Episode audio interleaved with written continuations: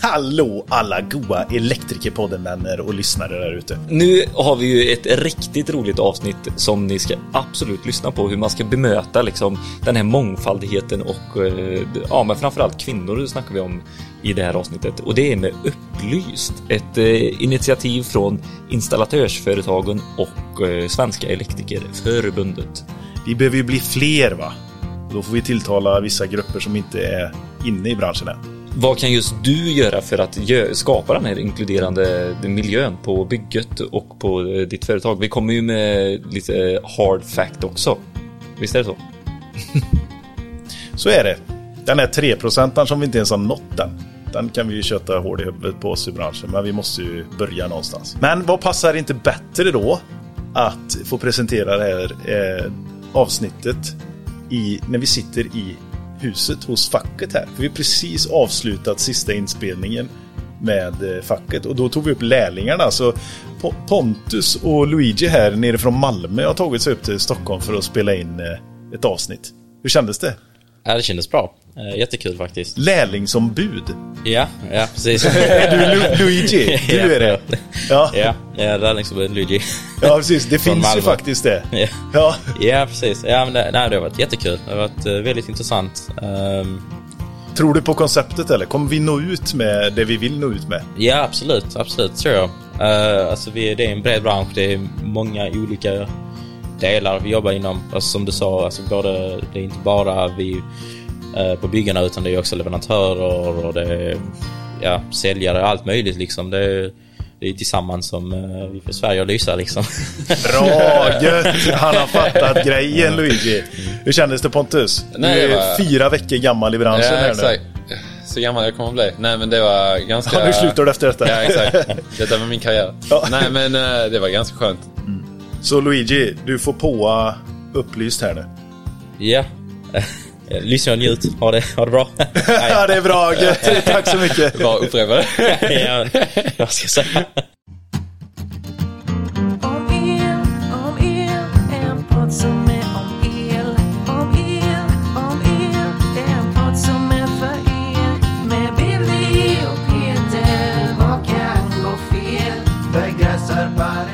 Då säger vi hej och välkomna till Elektrikerpodden. Vi är ett stort gäng här idag och jag får kalla er hela gruppen som är här som upplyst. Välkomna! Snyggt. Tack! Tackar! Tack.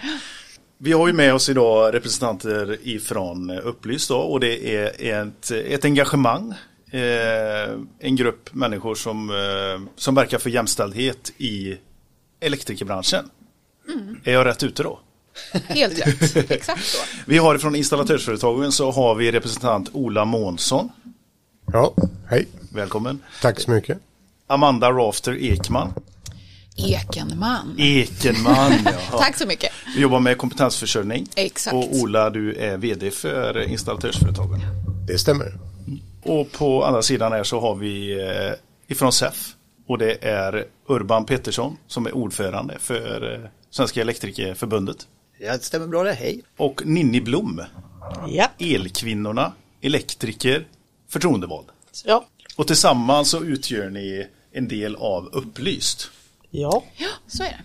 Så vill ni börja presentera vad, vilka är ni och eh, vad står ni för? Jag kollar på Ola här. Ja, det är faktiskt en arbetsgivar och branschorganisation för alla som jobbar med installation i Sverige. Gamla Ejo ingår i installatörsföretagen och gamla VVS-företagen ingår. Så vi har el, VVS, eh, vi har larm och säkerhet, vi har eh, telekom etc. Så om, vi säger så här, det vi har tillsammans, elektrikerna och vi, det är att allt det som görs idag i Sverige, mm. det är faktiskt våra medlemmar i både elektrikerna och installatörsföretagen som ska göra jobbet nu. Mm. Att elektrifiera, digitalisera allt det där. Precis. Och jag själv då är ja. Ola Månsson som är vd för detta och jag har varit i, i byggbranschen eh, ända sedan 1983. 83, det var då jag föddes. Okej, men, men eh, jag var inte gammal när jag fick det jobbet kan jag säga. okay. Ja, och eh, vem vill ta eh, SEF-ansvaret? Är, Ninni pekar på mig så jag får väl ta det då. Men Ja, det är bra. SEF då, det är Svenska Elektrikerförbundet och vi är ju en fackförening som organiserar i huvudsak elektriker. Men vi har en del andra saker också. Eh, vi är en gammal förening, vi har funnits sedan 1906 eh, och varit med länge och jobbat väldigt mycket just kring el och sådana saker. Ja, och vad har du för bakgrund, Urban? Ja, jag kom in i branschen 84 då som Mm. elektriker och eh, jag jobbade som elektriker då fram till 2001. Okej. Och nu är det högsta hönset. Ja, det kan gå tokigt för en i livet ibland om man inte har några planer på var man ska ta vägen någonstans. Ja, precis, precis. Ja, men gött. Då, och, och då vet vi vilka vi har här med i podden. Det känns eh, tryggt och skönt. Nu kan vi väl gå på, hur, hur kom ni på den här idén eh, med Upplyst? Det var egentligen vi som var med från början. Det var ju så här att vi har ju sett ett jätteproblem med att det är för få kvinnor i branschen. Och då tyckte vi att vi ska inte tala om hur illa det snacket är och attityderna är, utan vi ska vara positiva. Därav namnet Upplyst. Det är kopplat både till elektricitet och faktiskt vi ska se ljuset i tunneln och liksom se hur ska vi bära oss åt så att vi lockar till alla ungdomar till den här branschen. För det, jag tror faktiskt inte att en ung kille vill jobba i en bransch som har fel attityd. Så det handlar om att locka alla. Eller hur Ninni? Ja, helt rätt. Och Ninni är ju från Elkvinnorna. Så ni har ju vi har otroligt, eh, otroligt hög kompetens i rummet. Så har vi. Eller hur Amanda? Du? Jag som expert på kompetensförsörjning ska kunna döma av allt sånt som rör ja, jag menar det. Och hur, hur känner du av kompetensnivån Ja, här men inne? det är helt, det är precis, också med de efterföljande så har vi en bra kompetens i det är bra. Man kan lägga till just kring den här frågan med kompetensförsörjning och utbildning har ju vi ett unikt samarbete faktiskt mellan eh, arbetsgivare och, fack. Eh, vi har ju vårt gymnasiekoncept ETG och det togs fram tillsammans oss emellan för att vi såg att det var för dålig kvalitet i skolorna på den kompetensen som kom ut. Så det har vi tagit fram tillsammans och det är en superstyrka i eh, det här gemensamma projektet när vi nu har elektriker som vi själva har bestämt i vad det är de ska kunna. Mm, Så att den här frågan har ju alltid varit eh, superviktig för oss båda. Mm. My, mycket olika eh, begrepp och eh, delar. Så Peter, ska vi inte börja där eller? Jo, absolut. Eh, Är det någon som vill ta sig fanan för jämställdhet? Är det någon som kan förklara jämställdhet? Utmaningen är att prata om det här eh, på ett sätt som så här, inte blir så himla konstlat. Men det handlar ju till syvende och sist om att, eh, som Ola sa, vi ska välkomna alla i branschen. Alla ska ha en möjlighet. Definitionen tror jag handlar om lika rättigheter, möjligheter och skyldigheter. Och då vill vi fokusera på att alla ska ha möjlighet att ta sig in i, i den här branschen. Och att alla ska behandlas lika till exempel. Så. Okej, så b- både innan man är i, i branschen så ska man ha samma möjlighet men sen även när man är inne i det. Absolut. Pratar Så man- jämställdhet är alltså möjligheter, att man har samma Samma möjlighet, jag, jag skulle nästan vilja se att våra företag har möjlighet att anställa av alla. Ja. Tänk om vi skulle kunna få, kunna få den kompetens från hela Sverige och inte bara halva befolkningen. Om man ska dra, hårdra det. Ja, precis. Eh, Ninni, har du något att lägga till där? Egentligen inte, för hon säger som det är. Så se att allas möjlighet att kunna utföra arbetet, inte se det till ett kön. För vi är olika. Ja. Inom könen också.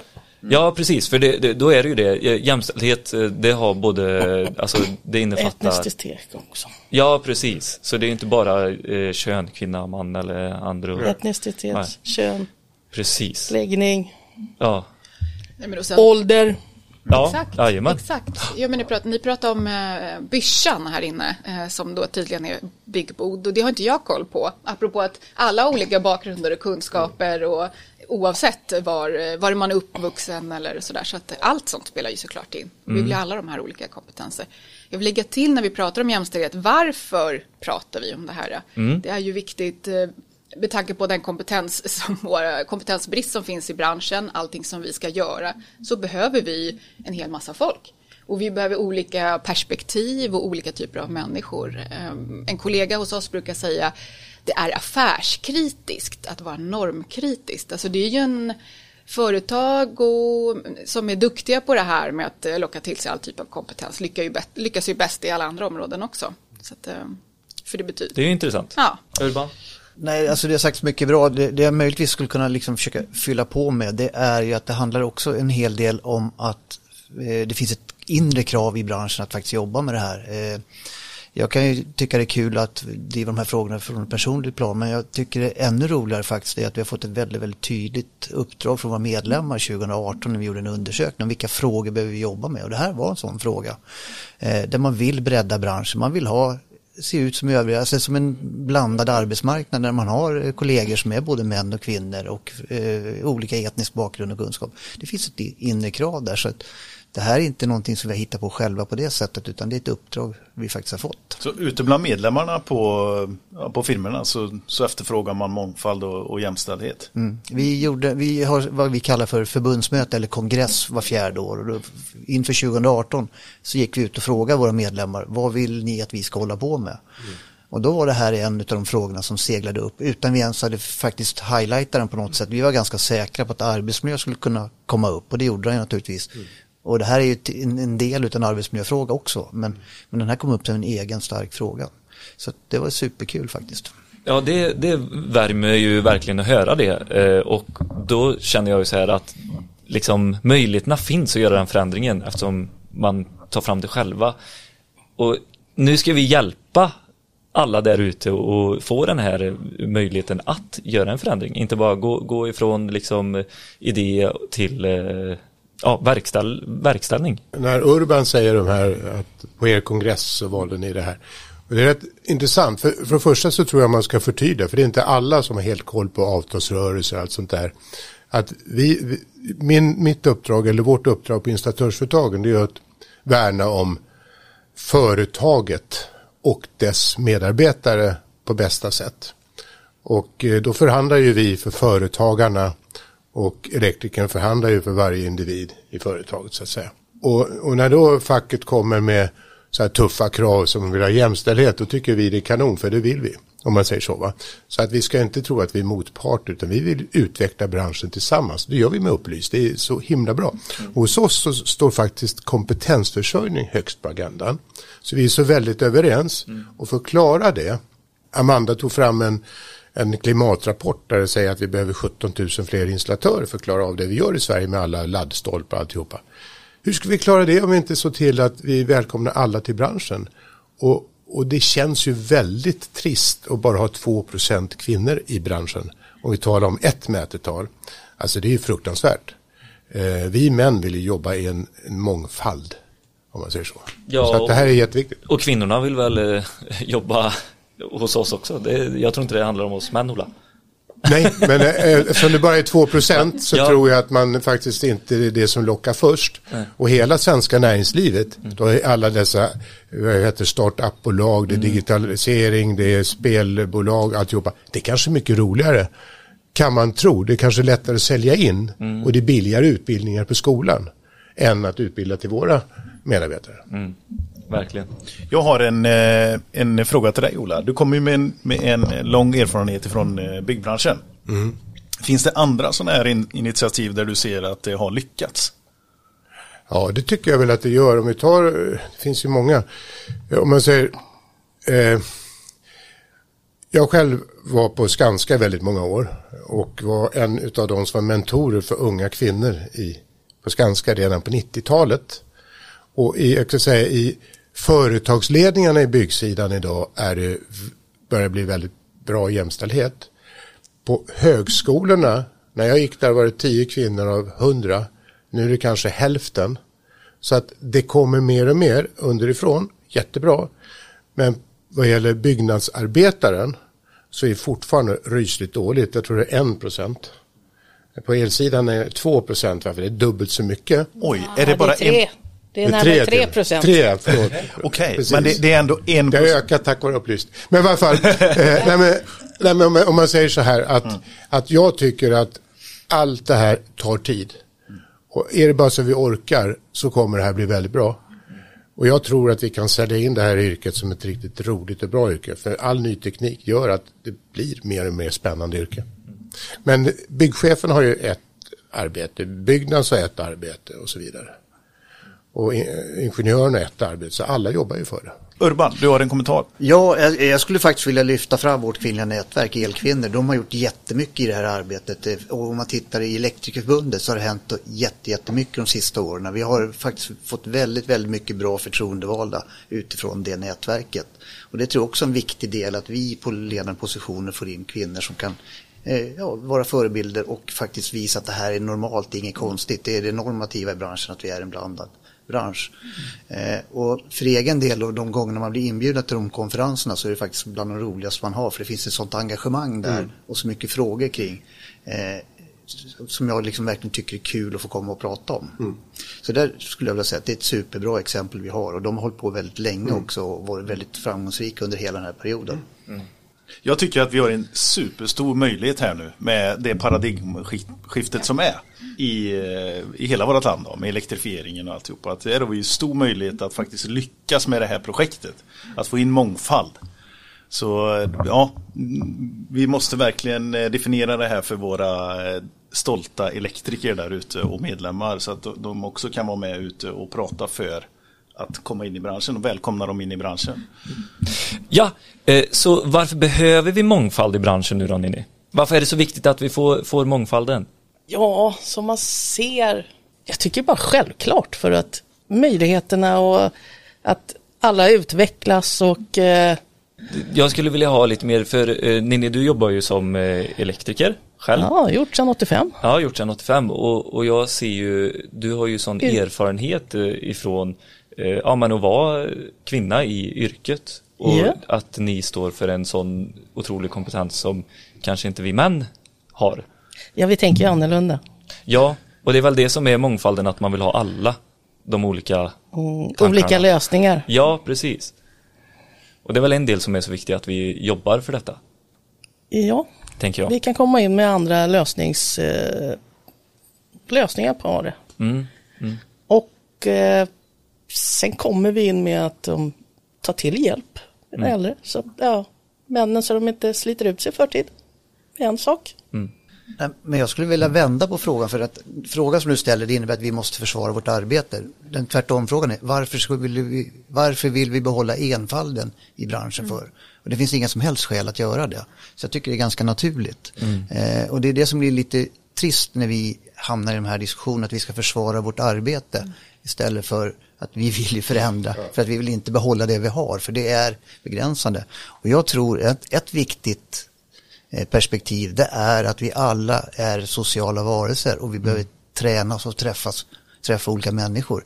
Så mm. det finns ett väldigt personligt värde att jobba i en bransch där det inte bara är män eller mm. bara kvinnor utan det finns en blandning. Mm. Eh, och det det har vi pratat ganska lite om utan vi pratar gärna om, om, att det finns andra lösningar, det finns tekniska innovationer som kommer komma fram och det mm. finns lönsamheter där. Men det finns också ett väldigt stort personligt värde mm. där man faktiskt lär sig och får träna sig på att möta andra människor som vi tappar bort. Mm. Och det tror jag är ett av våra största bekymmer faktiskt vi har. Amanda. Det var otroligt bra sagt, egentligen inget att tillägga där överhuvudtaget.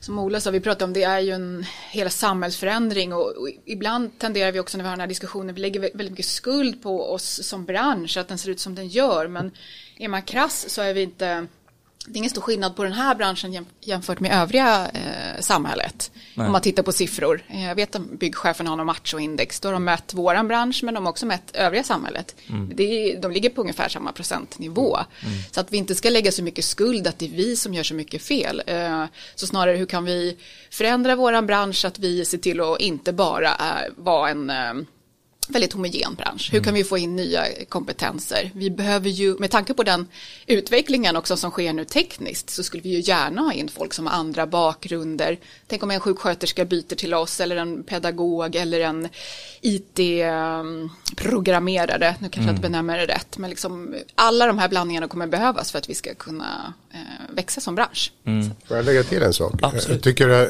också håller med det Urban sa, det var helt håller med om allting. Mm. Men om vi tar som elinstallatör, då jobbar du dels mot byggarna, ofta som en underentreprenör. Mm.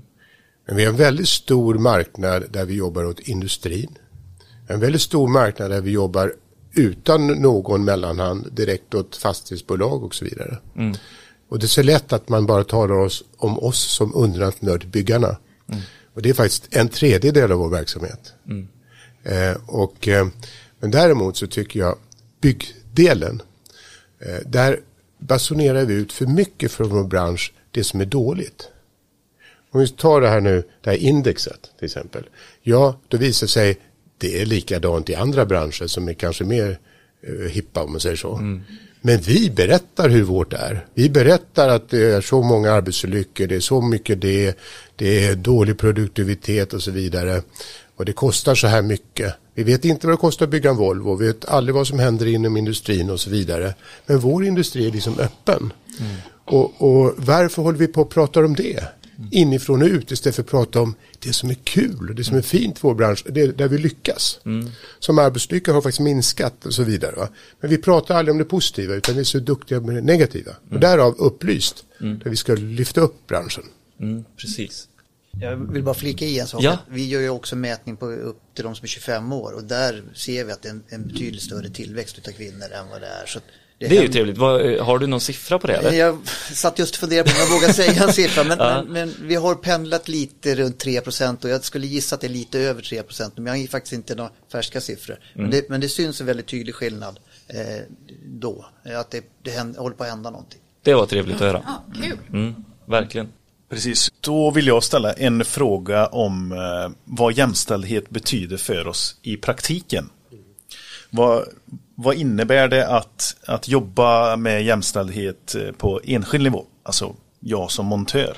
Jag tycker inte det är så väldigt svårt så. För att det handlar väl, jag tänker själv på det här sättet. Hela mitt yrkesverksamma liv tycker jag att man har försökt agera på ett sätt som är, är bra för alla, en rätt attityd.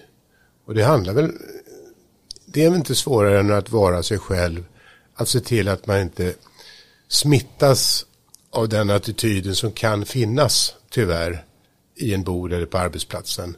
Oavsett om du jobbar på kontor eller ute på en, på en byggarbetsplats. Att du inte smittas av det utan agerar på det sättet du själv vill bli sedd och själv bli uppfattad. Ja, egentligen är det inte svårare. Men vi allihopa, vi, vi smittas av det som är omkring oss. Och det är farligt. Och det ska man se till. Ja, kanske inte bara smittas, alltså det blir ju en typ av tillhörighet eh, också. Att man vill inte vara den som sticker ut hakan och, och, och kanske blir, nej, äh, du får sitta vid ett eget bord för äh, här vill vi snacka så som vi snackar. Vi behöver inte ha någon som tillrättavisar oss eller sådär.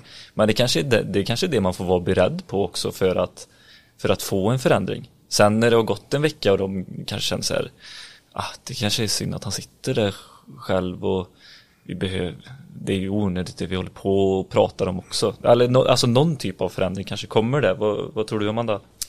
Um, träffade, eller vi lyssnade på en, eh, en kvinna som jobbar som elektriker och hon, när hon var ny, liksom här första tiden så fick hon åka runt i eh, elbil med, med ganska mycket äldre män.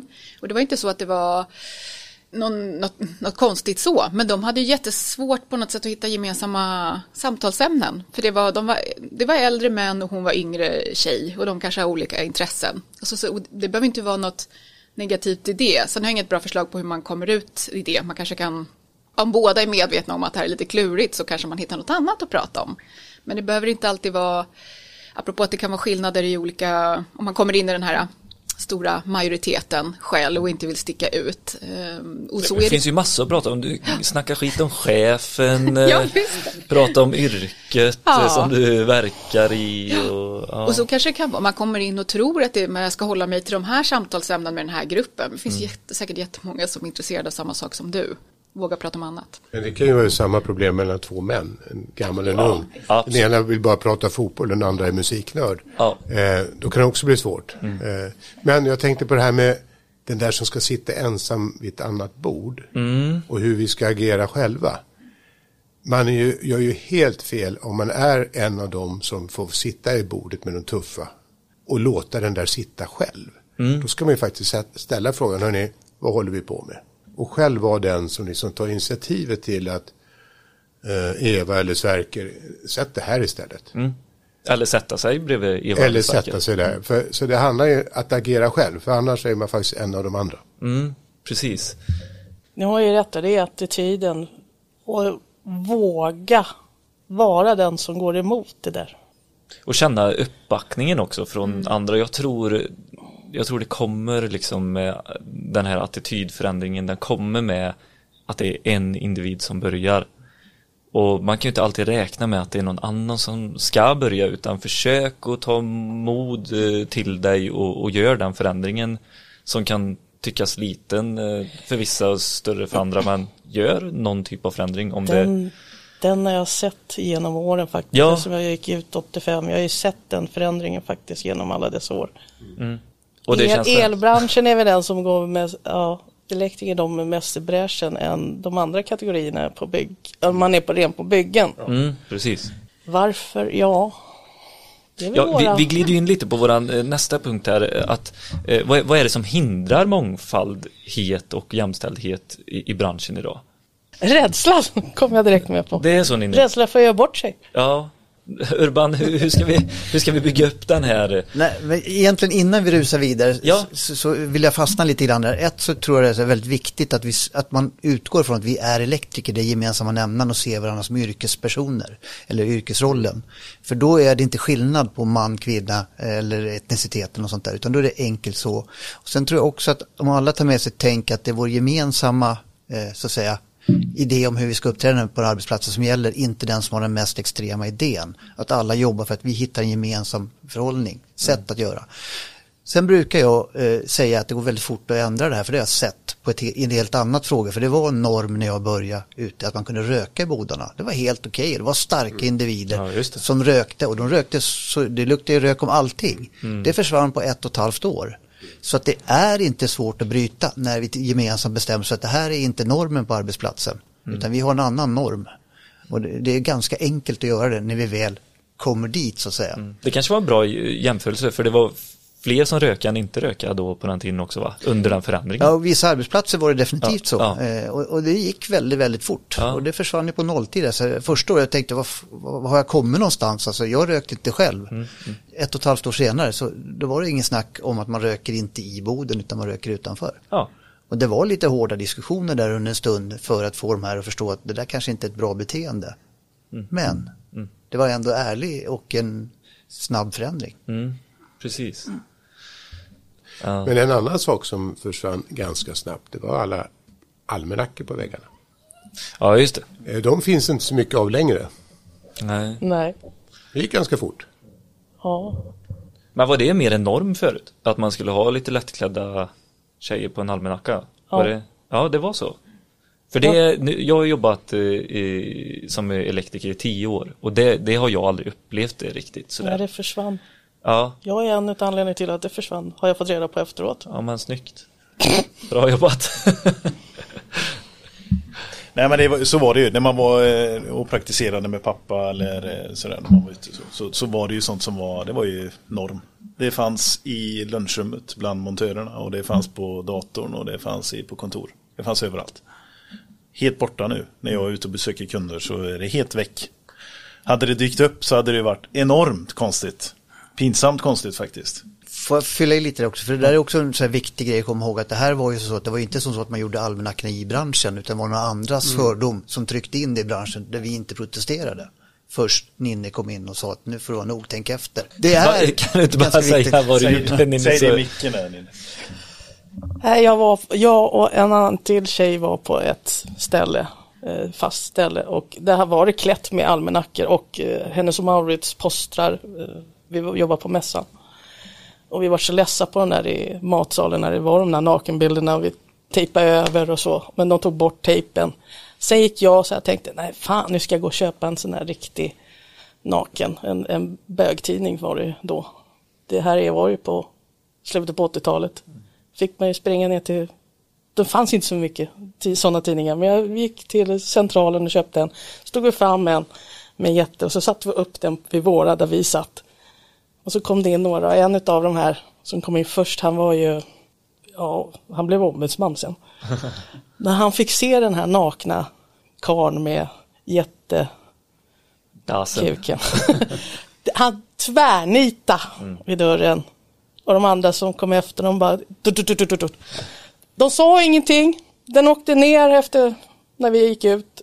Och efter det har jag, jag och hon har inte direkt pratat om det, men efter det har jag hört att han har lobbat för att de ska bort, för han vart så störd av den här nakna karln som hängde på den här väggen i matsalen. Fick smaka lite på sin Ja, egna medicin. så det tog väl så här 10-12 år, men jag, jag visste inte om det. Vi sa ingenting efteråt, men Nej. det var bara en ren protest som jag sen har hört att han, en utav anledningarna till att det blev så. Ganska liten, lätt eh, gest som blev väldigt betydande. Ja, en tyst protest. Ja, precis. Får jag säga en sak? Ja, det är klart du får Peter. Eh, nu benämnde ju du det som eh, en, en bög eh, eh, kalender. Eller en bögbild eller vad det var. Eh, och då vill jag säga hur, hur ska vi, det här är en sån typisk grej. Jag tror alla kände lite så här, jag tittar på dig Amanda, du ryckte till lite grann. Eh, och det var det jag uppfattade faktiskt.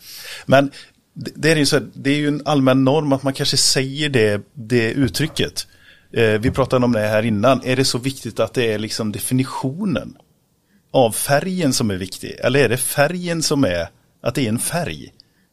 Eh, var det, en, det var en naken man. Japp.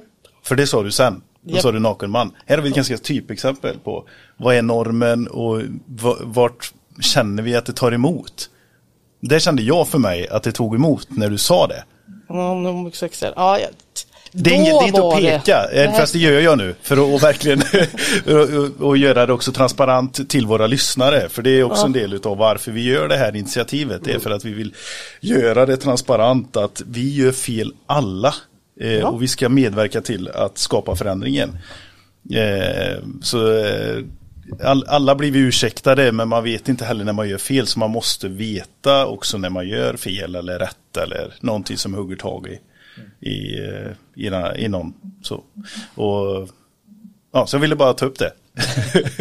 Urban, du har en kommentar? Ja, och jag tycker det är bra att du tar upp det för att jag tänker så här att, att språket har en väldig betydelse, men språket är ändå bara ett sätt att uttrycka sig, det är hur du gör, hur du uppträder. Och det är den, egentligen det vi behöver förändra. Eh, och det är inte lika viktigt att förändra språket när vi kan uppträda på rätt sätt, då blir språket bara en, en nyans eh, på ett annat sätt. Så att jag tror att vi alla går i den fällan ibland, att vi har vissa uttryck som vi har lärt oss i och som vi är fast i, som vi inte kommer ur. Eh, det innebär inte att vi inte vill jobba för frågan, det innebär inte att vi inte heller ser problemen. Eh, och jag tänker att det är handling som blir det viktiga här i slutändan. Vi har en tendens till att vara alldeles för, alldeles för noggranna med språket och släppa handlingen, för den är mycket svårare att göra någonting åt. Det, det är faktiskt en jättebra eh, vinkel på det. För det kan bli för politiskt eh, korrekt. Och då försvinner handlingen som du säger. Jättebra eh, infall i det. Så var inte rädda för att säga fel men var också beredda på att ta emot att det kan bli så att jag kanske kommer med ett uttryck som inte är okej. Eh, och det är olika grupperingar och sådär. Ja, ja, men det är väl det det handlar om, att bara lyfta upp frågan till bordet och ha ens dis diskussionen. Precis. Eh, Men vi har varit inne och eh, snuddat på det här tidigare med den här samhörigheten som, som vi pratade om. Och den här jargongen skapar ju en typ av samhörighet. Är det alltid en dålig sak? Ja, men, men det... och, Man gjorde ju, jag har legat i militär i två och ett halvt år ungefär. Och där var det ju en viss jargong och gruppkänsla och jättekul ihop Mm, och sådär. Man vet när man ska sova, när befälen säger att eh, det händer ingenting, då sover man och så har man roligt sen och man jobbar stenhårt, bygger broar, allt vad vi gjorde. Och då är det en gruppkänsla och det tycker du inte är någonting fel då. Men vi var ju bara män. Och i försvaret idag så är det ju kvinnor också. Och de har ju fått jobba stenhårt med den här frågan. Och, eh, eh, alltså överbefälhavaren går själv i Pride-paraden. Eh, och liksom, jag, jag tror att hela samhället är i den här förändringen. Och det gör ju också att om vi då går före i hela byggbranschen som elsidan eh, så tror jag vi kan lyckas rejält och få många till att vilja jobba hos oss. Eh, Så att upplys som vi har tillsammans, jag tror det är en jättebra koncept. Synd bara att ni inte hittar det på Instagram så snabbt. Men vad, är det jargongen då som eh, menar du? Är den, eh, eh, ska vi förändra den eller ska vi ta, ta den med oss? Eh, har vi någonting den- positivt i jargongen? Den jargongen jag pratar om när jag låg i det militära, den tror jag inte är bra idag. Eh, inte alls. Vi ska ha en jargong, men den ska vara liksom välkomnande som alla ska vara med i. Den jargongen tror jag är bra. Att liksom, man känner laget män och kvinnor tillsammans som jobbar för en sak. Jag känner det i vårt företag, installatörsföretagen, så har vi en väldigt jämställd organisation. Den representerar inte verksamheten där ute. Eh, och det gör att det är kul tillsammans. Nej, men precis angående jargong, jag bara tänkte, ja, jargong och jargong. Min syrra hon är mm, revisor och eh, kom, när hon var ganska utbildad och började på ett nytt företag så berättade hon att hon har börjat kolla på sporten nu. Jaha, men vad, du har ju aldrig varit intresserad av sport. Ja, men alla andra har det här försnacket innan för att komma in. Det är alltid vad har hänt senast och sådär. Så jag måste lära mig så jag kan vara med i samtalet. Och det var en ganska enkel grej och det är inget, ingen som är, liksom, det är ingen dålig jargong. Det är bara ett samtalsämne. Men att man, det är såklart man måste kunna få snacka om sporten. Men man kanske också kan se att ah, det kanske är någon som är intresserad av något annat eller eh, så. Mer försöka ha bara ögon, ögonen öppna mm. för vilka som finns i rummet. Mm. Och ibland med jargong om man pratar eller skojar om något eller sådär. Det är kanske någon som har en släkting, en vän eller någonting som berörs, inte ens de du ser i rummet. Så att man kan ju bara försöka tänka på vad, mm. som man är hemma som Ola sa. Mm. Ja, precis. Och, precis. Exakt. Bra. Acceptera olikheter. Mm. mm. Verkligen. Vi har en, eh, en fråga här som handlar om tredjepartskultur. Där man hamnar ifrån, eh, ja, som säljare i grossistläge, är det ganska vanligt att man har en installatör, en grossist, eh, säljare och en leverantör. Och då hamnar man i ett sånt läge och så har man en jargong och man står och man skrattar och det, det, det och så är det någon som uttrycker sig med ett rasistiskt ord för att definiera vart han är någonstans och jobbar. Ett typiskt läge där jag inte klev in för att jag känner att det där kommer störa min eh, affärsrelation. Det kommer eh, ge en annan eh, bild av det här mötet. Jag får fylla i lite där, för, mm. för det, det, du beskriver det är ganska mänskligt, alltså, det är ganska ofta, alltså, man, man, kommer på ganska många gånger att ops, här var jag inte vaken och snabb nog, här skulle jag reagerat. Men jag för, för egen del försöker tänka så här att, att bara jag gör det tillräckligt många gånger och framförallt att jag gör det de gångerna då jag känner mig själv redo och beredd för det. För det är då jag tror att det gör en skillnad. Att göra det varje gång, då kanske jag bara upplevs som en som, mm, som, driv, eh, som inte lyssnar och inte förstår. Men, men när jag känner att det här eh, är jag redo för att ta, då måste jag ta den. Eh, sen får man peppa sig själv, jag håller med för det är mycket lättare att bara låta det passera. Egentligen markera tyst genom att inte kommentera, inte titta och inte hålla med. Det är ändå en markering, men, men, ibland så vill man ju stärka den också. Men jag tror att det är viktigt att man känner sig liksom lite redo själv för det. Jag har ju faktiskt råkat ut när jag går på mässor att sälja det, när jag går in som kvinna. Jag får ing, det är ingen av säljarna som går fram till mig och liksom frågar om jag vill ha hjälp. Sen två år tillbaka, då har det faktiskt börjat ändra sig lite grann när jag var uppe i Umeå. Mm. Då var de nästan på som gäller iglar som man kände sig bara mm. Ja, och då undrar om det var att det hade blivit en, eh, att de hade pratat om det innan då? Att, de har en eh, tävling om vem som är mest jämställt. Jaha, okej, okay. ja men det, det, kanske är, det kanske är ett sätt att, att väcka tanken eh, och göra det till en tävling då. Alla sätt kanske är bra för att få det framåt, jag vet inte. Ja, för innan liksom, då var man ju nästan Aldrig de gick fram till oss. Nej, det gick, om det kom en man bredvid eller man med en man. De går alltid till dem och frågar vad de vill ha för, för material. Mycket märkligt alltså. Kommer en kvinna in, pss, nej. Ja. ja, det är ju bra. Inte ens om man har blåställ på sig så går de och frågar. ja, det är Väldigt märkligt beteende. Eh, ja, jag skulle vilja ha lite exempel nu där vi har en inkluderande miljö eh, och, och lite vad det vad, vad, en inkluderande kultur är för er. Ja, vi har säkert många exempel tillsammans. Eh, men mm. om vi tar ett, jag, jag, tycker på något sätt att man måste börja i skolbänken också. Mm. Okay. Eh, om vi först och främst lockar ungdomar att välja vår bransch, då måste man komma till en, till en skola där läraren uppvisar hur vi vill att branschen ska se ut. Och där har vi börjat tillsammans så att varje år så träffas träffar vi lärarna i våra skolor runt om landet i mm. det här mm. ETG Sverige-konceptet. Mm. Där vi är med och påverkar varje skola hur utgången ska se ut. Det är jättespännande. Och då vill vi att de skolorna också är, är liksom företräder det vi talar om i Upplyst. Mm. Att inkludera alla. Och då, då var det från början att man åkte iväg alla lärare på en Viking Line. Av anledning att då är man ju samlad. Va? Man åker fram och tillbaka. Billig sprit. Ja, det, gick vi in, det gick vi in och stoppade. Mm. För att då visade det sig att kvinnliga lärare åkte inte med. Mm. Mm. Och det är väl en sån där symboleffekt som vi har gjort. Att markera att det är inte det, det behövs inte. Så nu är man istället på en konferensanläggning. Nu, mm. corona har ju gjort mm. att allting försvunnit. Kopplat till det är ju när vi började upplyst. Den tävling vi gjorde att få bort alla sexistiska slagord på studentflaken. Mm. Var, där börjar vi liksom med en symboleffekt. Mm. Att tävla, vem har bäst studentflagg som inte är sexistiskt. Mm. Men nu slipper vi ju studentflaken också tack vare corona. Nu kommer det bussar istället, såg jag här på nyheterna i morse. ja. Eh, kommer jag in på nästa fråga här faktiskt. Och det är, kommer ni kunna verka som eh, konsult Alltså på konsultande nivå för att bygga kulturen på en lokal elfirma?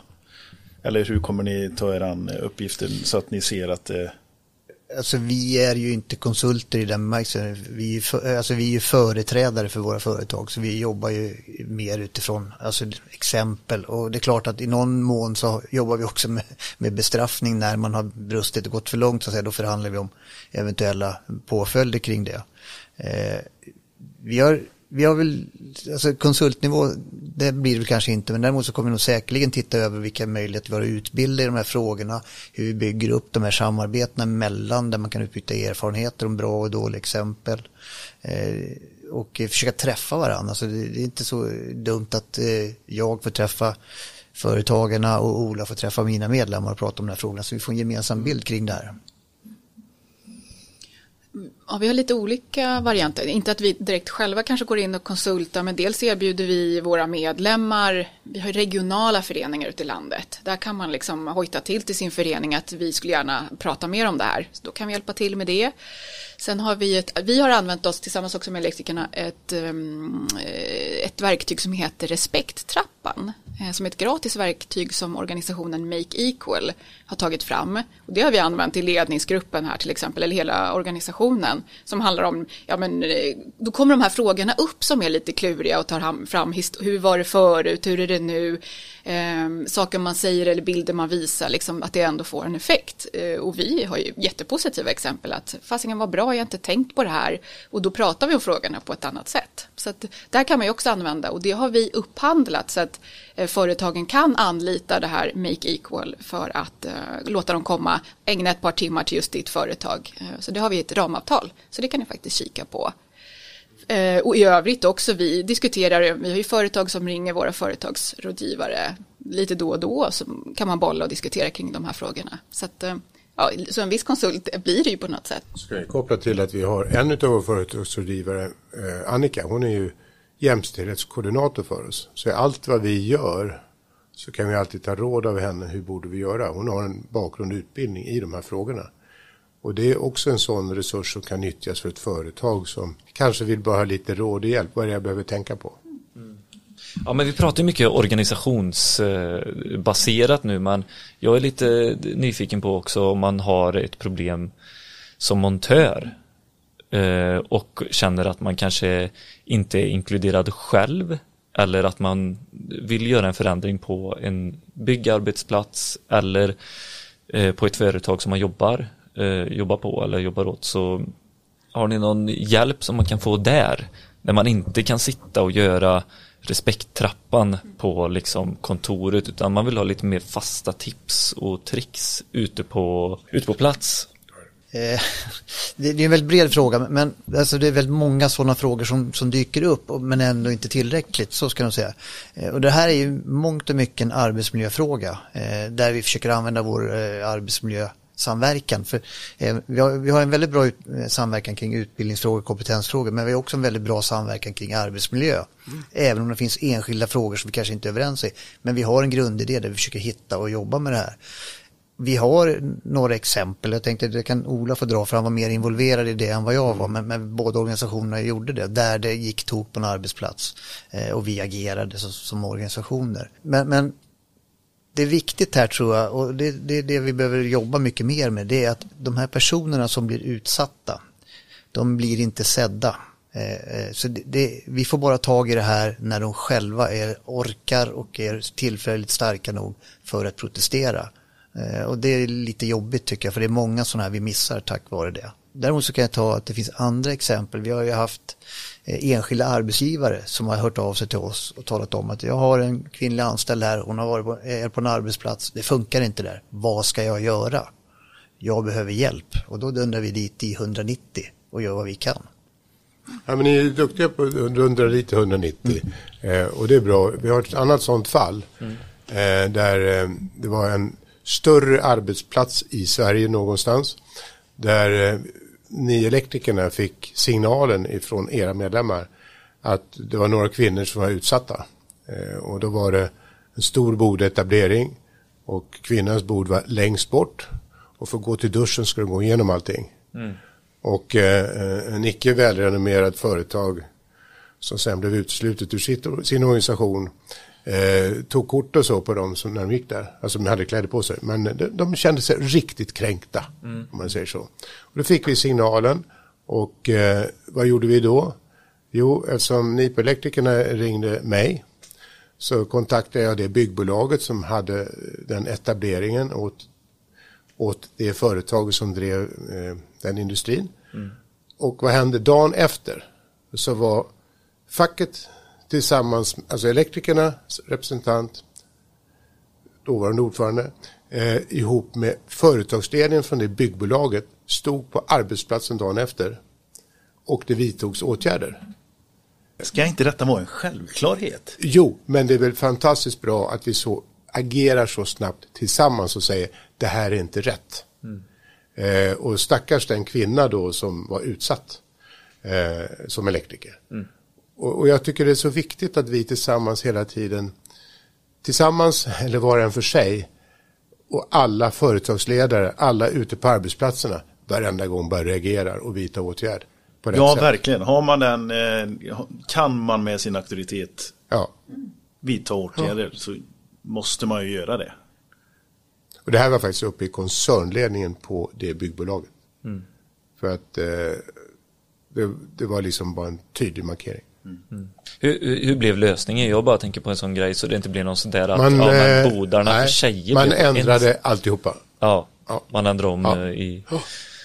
Så att det inte blir separat Men, ty, men tyvärr, sådana det händelser gör alltid att det kanske vissa som ändå inte vill jobba där. Eh, mm. Och så. Så, så, så, tror jag det var. Men, ja. men man ändrade hela bodetableringen för det här. Mm.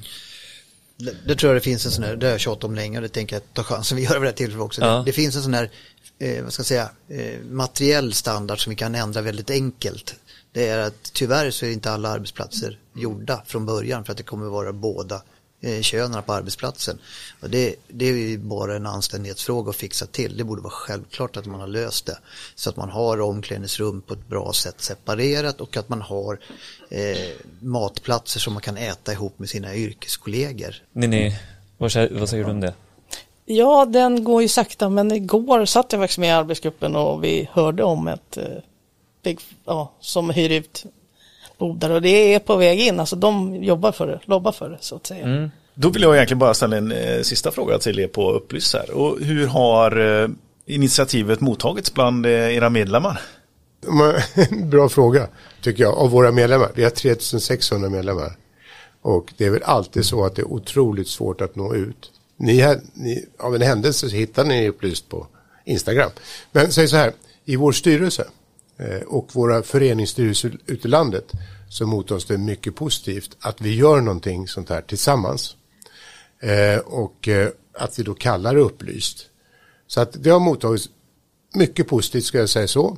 Men när vi själva kört respekttrappan i vår ledningsgrupp bland våra medarbetare och sista mötet vi hade nu för några veckor sedan, då såg vi det hur katten ska vi nå ut på bästa sätt till våra företagsledningar, våra företag, bland alla de här medlemmarna som till 90 procent är under 20 anställda. Det är, det är en utmaning och, och, det vill vi göra. Eh, men då ska vi veta också att Upplyst är ingen PR-kampanj alls, utan Upplyst är en, liksom ett paraply för oss för de, de grejer vi gör hela tiden tillsammans. Eh, vi ska nu träffa ledningen för ETG-skolorna, eh, Urban och jag, för att tala om de här frågorna. Liksom, det gäller liksom att, att genomsyra olika delar och allting genomsyras av upplyst. Mm. Då får vi skicka med eh, er, er lite vad ska man säga, kommentarer till det mötet. Att eh, eh, påverka gärna för snacket. Att det ska att, att lärarna går i bräschen för att eh, ta bort kulturen, att det är okej att snacka på ett vårdslöst sätt, eller man ska säga. Mm. Alla ska vara med. Mm. På gymnasiet som är väldigt tydliga, vi kanske skulle ha en bredare teknisk variant där också, jag vet inte. Mm. Nu nu sköt jag. ja, men det, det, får man göra. Men eh, åter till frågan där då. Yeah. Hur har det tagits emot bland Nej, men, medlemmarna? Men det, det, är så här att, att, det har tagits väldigt, väldigt väl emot, framförallt då bland de som är aktiva hos oss. Eh, mm. Jag, jag, kan börja med att säga så här, det är ingen som har hört av sig till mig och sagt, vad är det för skit ni håller på med, lägg ner. Mm. Så det tycker jag är ett ganska gott betyg. Mm. Ja, nej, ja, det känns ju som en bra framtid. Vi gör ett litet avbrott där eh, och eh, tar in eh, två nya personer som brinner för den här frågan och har mycket kunskap att dela med sig av. Så tack så jättemycket Ola och tack så jättemycket Ninni. Ja, applåder. I, I själva problemet så behöver man ju lösning också. Och då har vi ju då tagit in och fått kontakt med RCO, ett initiativ inom RCO som kallar sig för Girl Power. Eh, så förklara gärna lite mer vilka, vilka ni är och välkomna till Elektrikerpodden. Tack så mycket. Eh, Tarja Hillbom Välila heter jag, eh, jobbar som kvalitet och miljöansvarig på RCO. Eh, Agnes von Schulzenheim heter jag, marknadschef på RCO Security AB, som då jobbar med passer och säkerhetssystem. Just det, för de som inte vet vad RCO är. Det var bra. Precis, en ja. kort presentation bara. Ja. Vilka vi är. jag vet egentligen inte vad jag...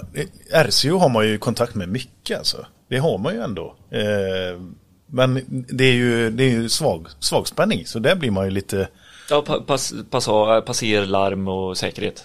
Precis. Kan man säga eh, kort och gott. Ja, och i detta så har vi även med fortfarande kvar då Urban och Amanda ifrån Upplys då, säger vi då. Ja. Vilka är Girl Power och vad står de för?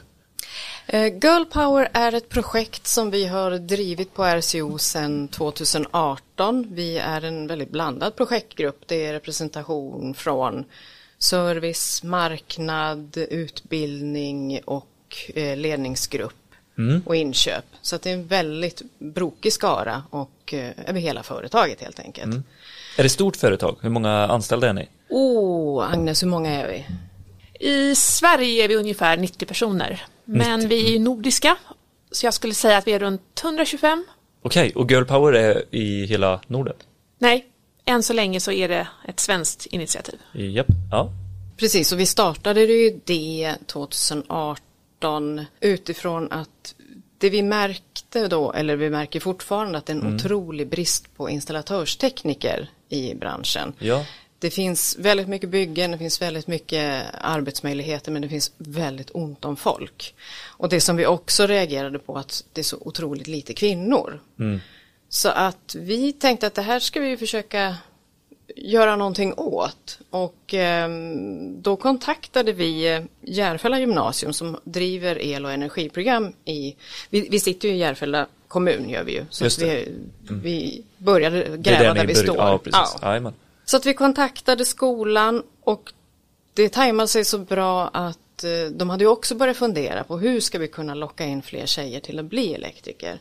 Det är en väldigt liten skara tjejer som söker sig till. Jag tror den ligger, har väl legat på konstant mellan 3,5 till 4 procent. Som, som söker som sig till skolan? Sig. Ah, okay. Ja. Mm.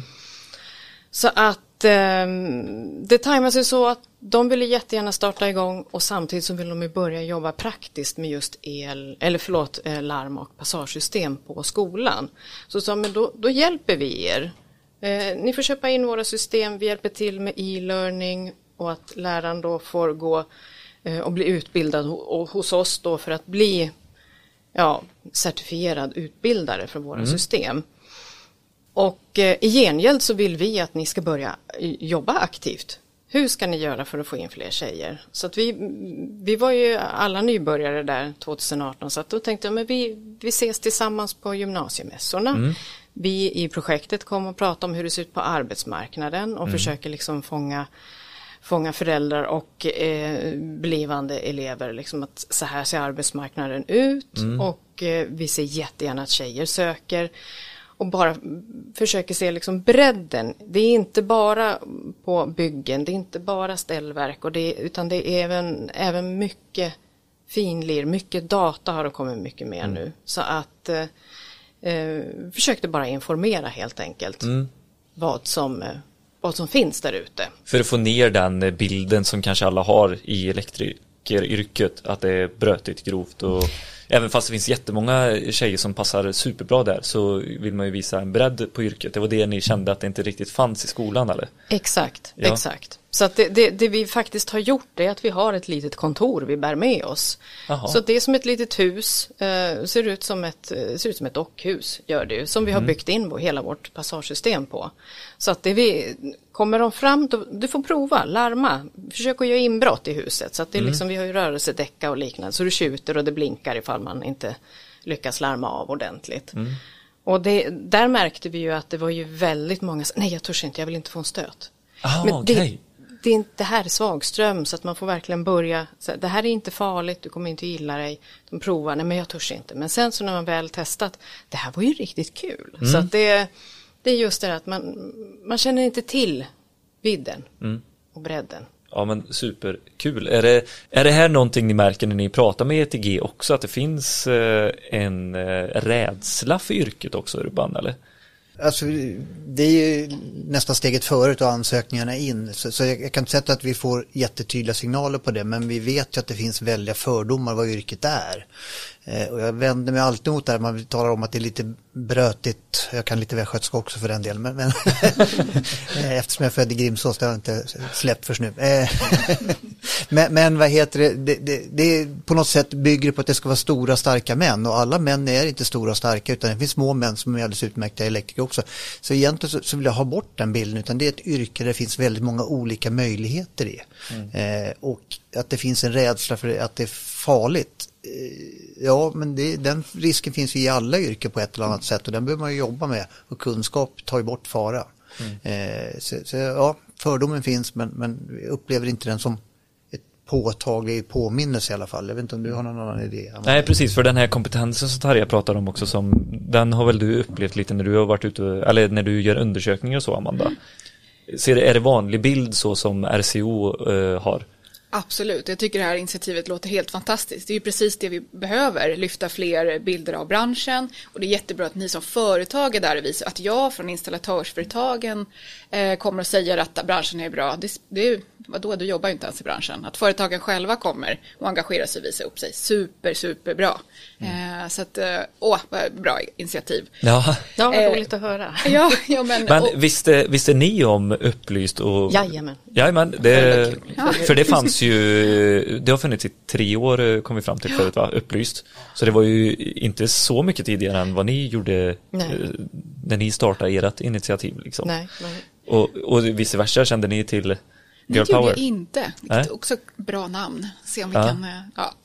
Nej, men superkul. Och det här med att eh, ändra och bredda bilden av branschen. Det är ju det vi har att jobba med. Det är ju det vi måste... Det, det är den stora pucken vi har för Mm. att locka fler eh, allmänt. Eh, Ja, och ni är ju verkligen en del av den lösningen som Upplyst borde ha med sig och komma ut i andra organisationer och visa att så här kan man göra liksom. Att ut och visa sig på arbetsmarknaden, olika skolor och, och, ja, och, förespråka sitt eh, yrke till alla.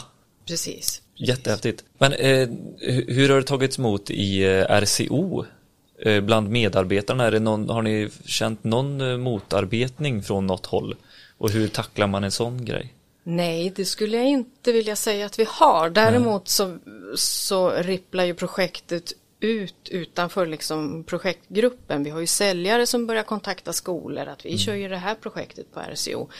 Och så har vi ju supportare som pratar om det i telefon och så att det här projektet och eh, så vidare. Så att jag tror att det blir lite hjälp till självhjälp också. För att om man tittar i säkerhetsbranschen i det stora hela så är det ju väldigt mansdominerat. Så att eh, vi sår ett frö och sen så ser vi nu hur det börjar växa lite grann. Eh, det, det vi har haft också väldigt tur med att vi har haft flera skolor som har kontaktat oss. Så vi har ju startat, vi har ju tre, fyra skolor nu, gymnasieskolor som vi jobbar tillsammans med. Med liknande projekt som vi gjort med Järfälla kommun. Men eh, det, det vi märker är att när du kommer till gymnasiet, du har gjort ditt val. Vi kan inte påverka så jättemycket. Visst, vi kan påverka de som, som ändrar sitt val innan själva liksom, sista ansökningsdagen mm. blir eh, Eller hur man går vidare i när man har gjort valet att ja. ska gå el. Ja. Så att vi, vi började fokusera, det var för ungefär två år sedan som vi började fokusera på att nej, men, vi måste titta på grundskolorna. Mm. Vi måste ju börja informera redan på grundskolorna. Mm. Och det här är väldigt intressant tycker jag. Ja, och då, då började vi att kontakta, då började vi då i Järfälla kommun och kontakta rektorer, och det är svårt som företag att komma in i grundskolan för då är det så, mm. men vad vill ni sälja lite grann? Ja, mm. Utan försökte liksom pitcha per mail så gott man kunde i projektet. Vissa fick vi svar från andra ingenting och sen blev vi hänvisade till studievägledarna, mm. till syvarna. Och då fick vi ju svaret, ja men det här låter jätteintressant men vad ska ni göra med killar och vården? Nej, det, ja, och där, där, där, ser man ju att grundskolan där ska det vara väldigt rättvist och då kände mm. jag okej okay, vi måste tänka om.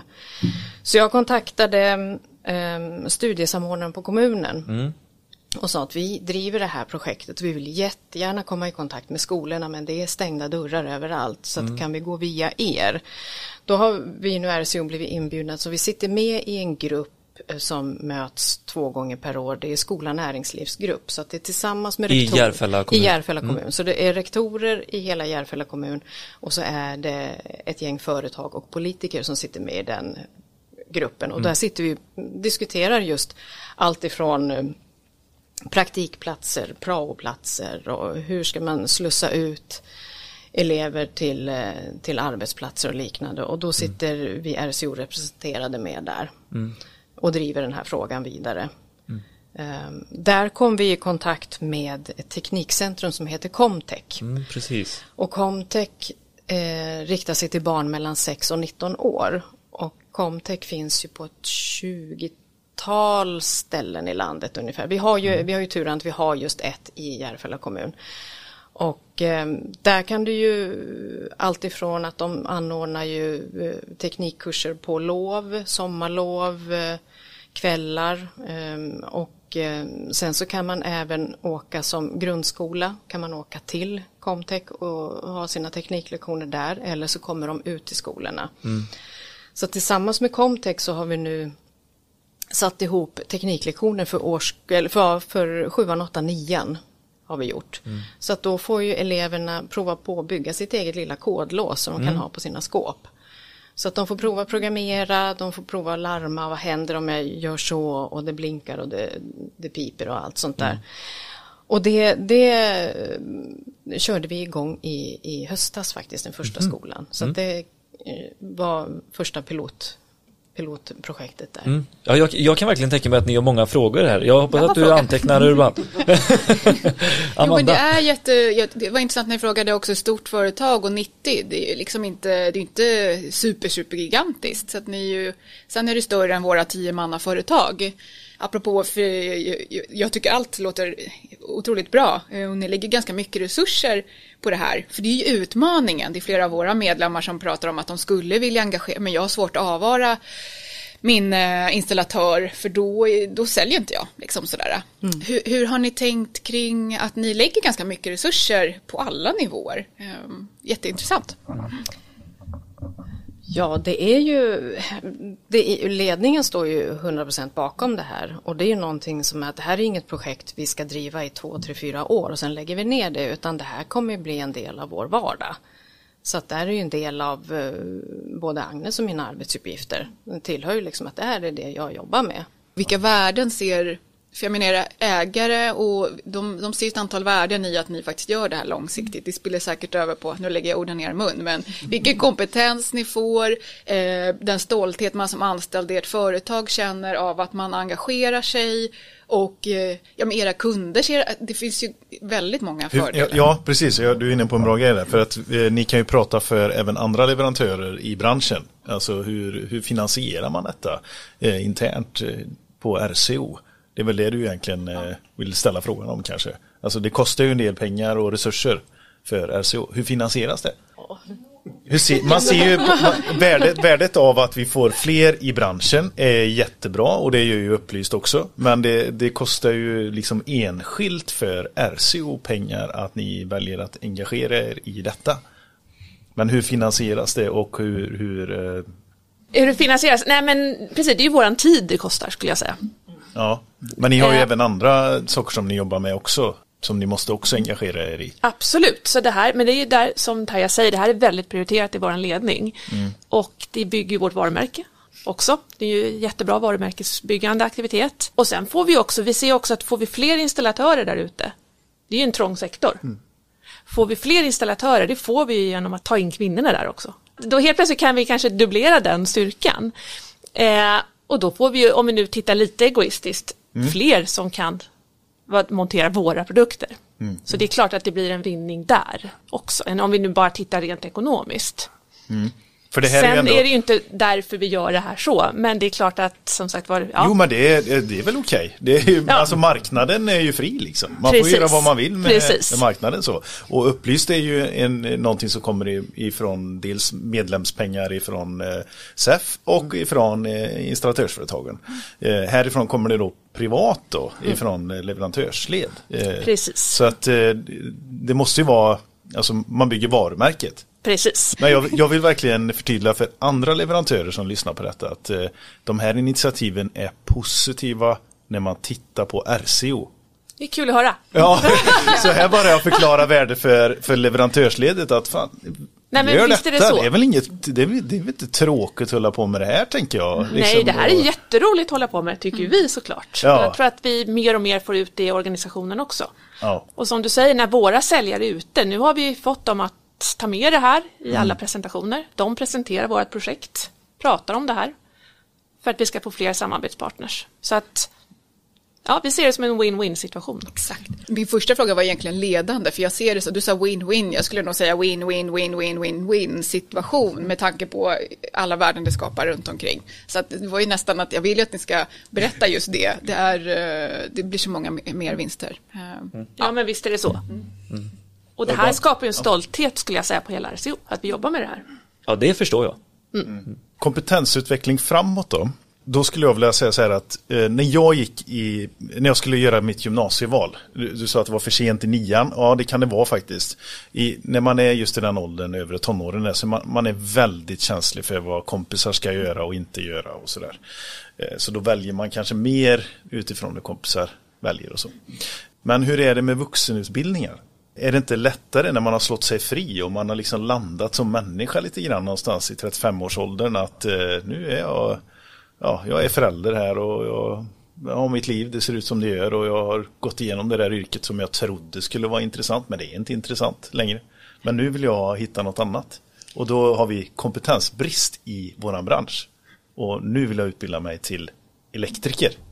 Exakt, och det är ju en jättepotential. En tredjedel av den in, liksom de som kommer in i branschen kommer från vuxenutbildning. Så att det är ju en jättestor källa och potential att vara mycket, mycket större. Bara för två veckor sedan ringde en pilot mig eh, som hade lite körigt nu med anledning av situationen vi befinner oss i och ville bli elektriker. Och fantastiskt om vi kan få in de här typen av personerna. Sen är det lite utmaningar med utbildningssystemet och yrkesväxla. För har du till exempel en gymnasieutbildning, har det tidigare varit att du inte, då är det svårt att läsa yrkesvux och så de här bitarna. Men det börjar politikerna luckra upp, så det finns mer möjligheter där. Eh, och vi har andra initiativ eh, som jag kanske inte, ni kan kika på vår hemsida. Eh, men det, ja, du har helt rätt, vi ser det här också som en nyckel till att skapa förändring lite snabbare. Det är många kvinnor som hör av sig. Vi har haft projekt där vi enbart har riktat oss mot kvinnor och det är alla möjliga bakgrunder som byter. Vad fantastiskt om vi skulle kunna få in dem eh, in i vår bransch med deras bakgrund. Alltifrån ja, då lärare till sjuksköterskor till eh, ja, piloter som har sagt. Vad kommer de med sig och kan bidra med i branschen? Ja, precis. Där är, Jo, och där tänkte jag bara nämna att vi har startat ett samarbete tillsammans med Lernia också. Just, i, Just som ligger här i Liljeholmen. Så att då, då riktar det sig just också mot kvinnor som vill skola om sig eller likaså nyanlända. Så får vi in liksom den gruppen som, som vill liksom göra någonting nytt. Så att där, där är vi också väldigt mycket i startgroparna men, men där har vi också signat upp oss med ett samarbete tillsammans med dem. Alltså det, det, det, här, man får ju nästan lite gåshud eh, tycker jag av det här initiativtagandet eh, emot liksom låg ålder och, och brett och vitt som ni kör och att ni som ett privat bolag satsar på detta. Det, finns det liksom möjlighet för andra bolag att kontakta er för att få tips hur de kan använda det i sin organisation? Ja, absolut. Det, det vi, vi säljer ju inte våra produkter själva utan vi säljer ju till grossister mm. och, och installatörsföretag. Så att vi vill ju jättegärna ha ett samarbete vidare där. För mm. att alla de här eleverna som, som går el, och energi eh, de måste ju ut och praktisera. Mm. Och det är jättesvårt att hitta bra praktikplatser. Är det. Så speciellt nu när det har varit pandemi har det varit extra svårt. Men eh, så att vi krokar jättegärna arm med eh, installatörsföretag som vill, eh, som vill jobba med jobba med projektet och, och mm. driva det, frågan vidare också. Mm. Vi tror mycket på det här att nu blir det ringa på vattnet, att nu ja, sprider, vi, sprider vi det hela utåt. Ja. Är det något som eh, ni vill tillägga från RCOs sida? Eh, det jag tänkte bara nämna lite ja. kort det är ju att det vi märker är att det är just eh, information till studievägledarna. Att, ja. det, att där, där känner vi, för vi har ju pratat med dem de tjejer som går el och energi mm. på Järfälla gymnasium. Vi har mm. bjudit in dem så vi käkar frukost tillsammans och bara pratat. Hur kommer det sig att du valde el och energi? Var får du din inspiration ifrån och så vidare. Mm. Och, och, alla var ju rörande överens om att de fick ju ingen som helst hjälp av studievägledningen. Nej. Så det känns som att det utbildas, att att det måste utbildas och informeras mer om hur arbetsmarknaden faktiskt ser ut. Mm, ja, Ninni var inne på det förut också ja, när vi pratade här och det, jag vet inte vem, vem det ligger på, höll jag på att säga, det är svårt. Men... Jättesvårt. Eh, jag tänkte bara nämna att eh, vi RCO blev inbjudna på en sån här eh, syvträff som hölls för något år sedan mm. och då var det hela Stockholms län var inbjudna där de presenterade just eh, de yrkesförberedande programmen så var det lite mingel efteråt och då såg jag just att Transport stod ju som i ett bås. Så jag gick och pratade med dem just att för det vi har märkt är att Transport har ju lyckats. Jättemånga fler kvinnliga lastbilschaufförer och kör tyngre fordon och liknande. Så jag gick fram och frågade och pratade lite. Så, berätta om vårt projekt och, och, men hur har ni lyckats? För jag ser att det är fler och fler kvinnliga eh, chaufförer ute. Mm. Och då sa han, vet inte, det enda vi vet är att vi alltid ser till att en kvinna är med eller en tjej är med när de har montrar på gymnasiemässor och liknande. Så att det vi tror är jätteviktigt är kvinnliga förebilder. Mm. Att få med det, att det syns. För att det oftast, det var ju också det tjejerna beskrev när vi hade frukost att man kände sig inte välkommen om det står ett gäng män med armarna i kors och man kanske lite sådär tvekar att ska jag gå fram och, och då blir det ju, då blir det liksom, ja, mina kompisar går dit, då mm. väljer man det andra istället. Mm. Så att kvinnliga förebilder, mm, Verkligen håller helt med, kvinnliga förebilder. Sen är det ju varit, blir ju ibland att vi lyfter samma, de, det är inte en stor mängd, men de behöver vi lyfta. Och håller med om det du sa, att det är lite läskigt att gå fram. Andra projekt som vi har eh, där man är i skolan eh, och pratar, att då har man låtit tjejerna testa själva, för att då vågar man. Alltså det, kan ju, det är så enkla medel, mm. Eh, att man kanske inte vågar och man är rädd att bli skrattad åt eller är du ens intresserad av det här apropå ja. upp grupptryck och sådär. Ja. Bara skapa möjlighet. Men ni gör det jätte där med huset tyckte jag lät jättespännande. Ja, verkligen. Blir sugen att testa själv. Ja, välkomna till RCO ja. efter pandemin. då är det ju så här då att av allt att döma, av allt som vi har gjort hittills så har vi nått knappt 3 procent initiativen hittills under alla åren så har vi sett en förändring som går i rätt riktning. Men vi har bara nått, säger jag faktiskt, knappt 3% Så vad ska vi göra framåt? Vad är de konkreta lösningarna på måndag nästa vecka? Urban. Tack. Eh, fred på jorden så har vi löst det. Nej, men jag, jag tror så här att, att ett så måste vi hålla fast vid att vi sakta men säkert och är tålmodiga i det här arbetet för det kommer inte gå över. Men, det jag tror att vi behöver göra ganska snart är faktiskt få till det här som, som vi har pratat lite internt om att vi behöver ha kvinnliga mentorer för de som börjar på elprogrammet för att se till att fånga upp dem och se till att få in dem i branschen. Jag tror det skulle vara väldigt, väldigt bra eh, sätt att, att jobba på det sättet. Man har vid första skoldag så dyker det upp en elektriker där och säger hej hej, det är jag som är din mentor, du kommer göra din praktik hos mig. Har du problem under utbildningen och vill fråga någonting så finns jag här. Och då tror jag vi skulle fånga kvar väldigt många. För känslan jag har det är att vi tappar onödigt många i skolan redan nu utav de få sökande vi har. Så då var en lösning att bli mentor Ja. som eh, kvinnlig elektriker. Jättebra. Och en lösning till. Ja. Se till att ordna arbetsplatserna så det är gjort för människor och inte för män. Snyggt. Oj, det är en sån bred lösning. Jag skulle, jag skulle nog säga att vi börjar Nu, gräva. nu är det en måndagslösning vi sa. Måndagslösning. Ja men okej, så här. Gräv utifrån där du står. Vad, vad kan jag göra, Amanda, här på installatörsföretagen? Eh, jag kan påverka skolor. Okej, men vad kan jag som montör eller installatör göra på måndag? Ja, men jag kanske försöker liksom säga ifrån i ett samtal eller eh, kanske tar upp ett initiativ om att skolan ska börja jobba lite, man ska jobba lite med skolan. Alltså sådär. Vad, vad kan du göra? Och från RCOs sida? Vad kan vi göra, Agnes här då, då på marknad? Vi kan ju börja det här med att lyfta kvinnliga förebilder redan på måndag. I våra kanaler, till exempel. Och jag som privatperson och eh, mamma kan ju börja prata med ungdomarna runt mig om det här, yrkesvalet. Så det kan jag göra redan på måndag. Och Tarja mer än du redan gör? Eh, nej, vi, vi fortsätter. Alltså hela det här projektet, det är två steg fram, ett tillbaka. Och ibland är det ett steg fram och två tillbaka. Men det är bara att ge upp. Det här, det här löser vi inte på, på måndag. Utan det här måste man... Förändring, det tar tid. Och eh, ta bort gammal, gamla cementerade arbetssätt, stereotyper, machokultur. Det tar tid innan det lossnar, men det lossnar. Eh, en fråga till, eh, till någon av tjejerna. Hur jobbigt är det att ha mens på en arbetsplats? Där det är fullt med män. Jag är kontorsrotta, så att jag har ju allting som jag behöver. Ehm, så, att, ja. För Amanda funkar det?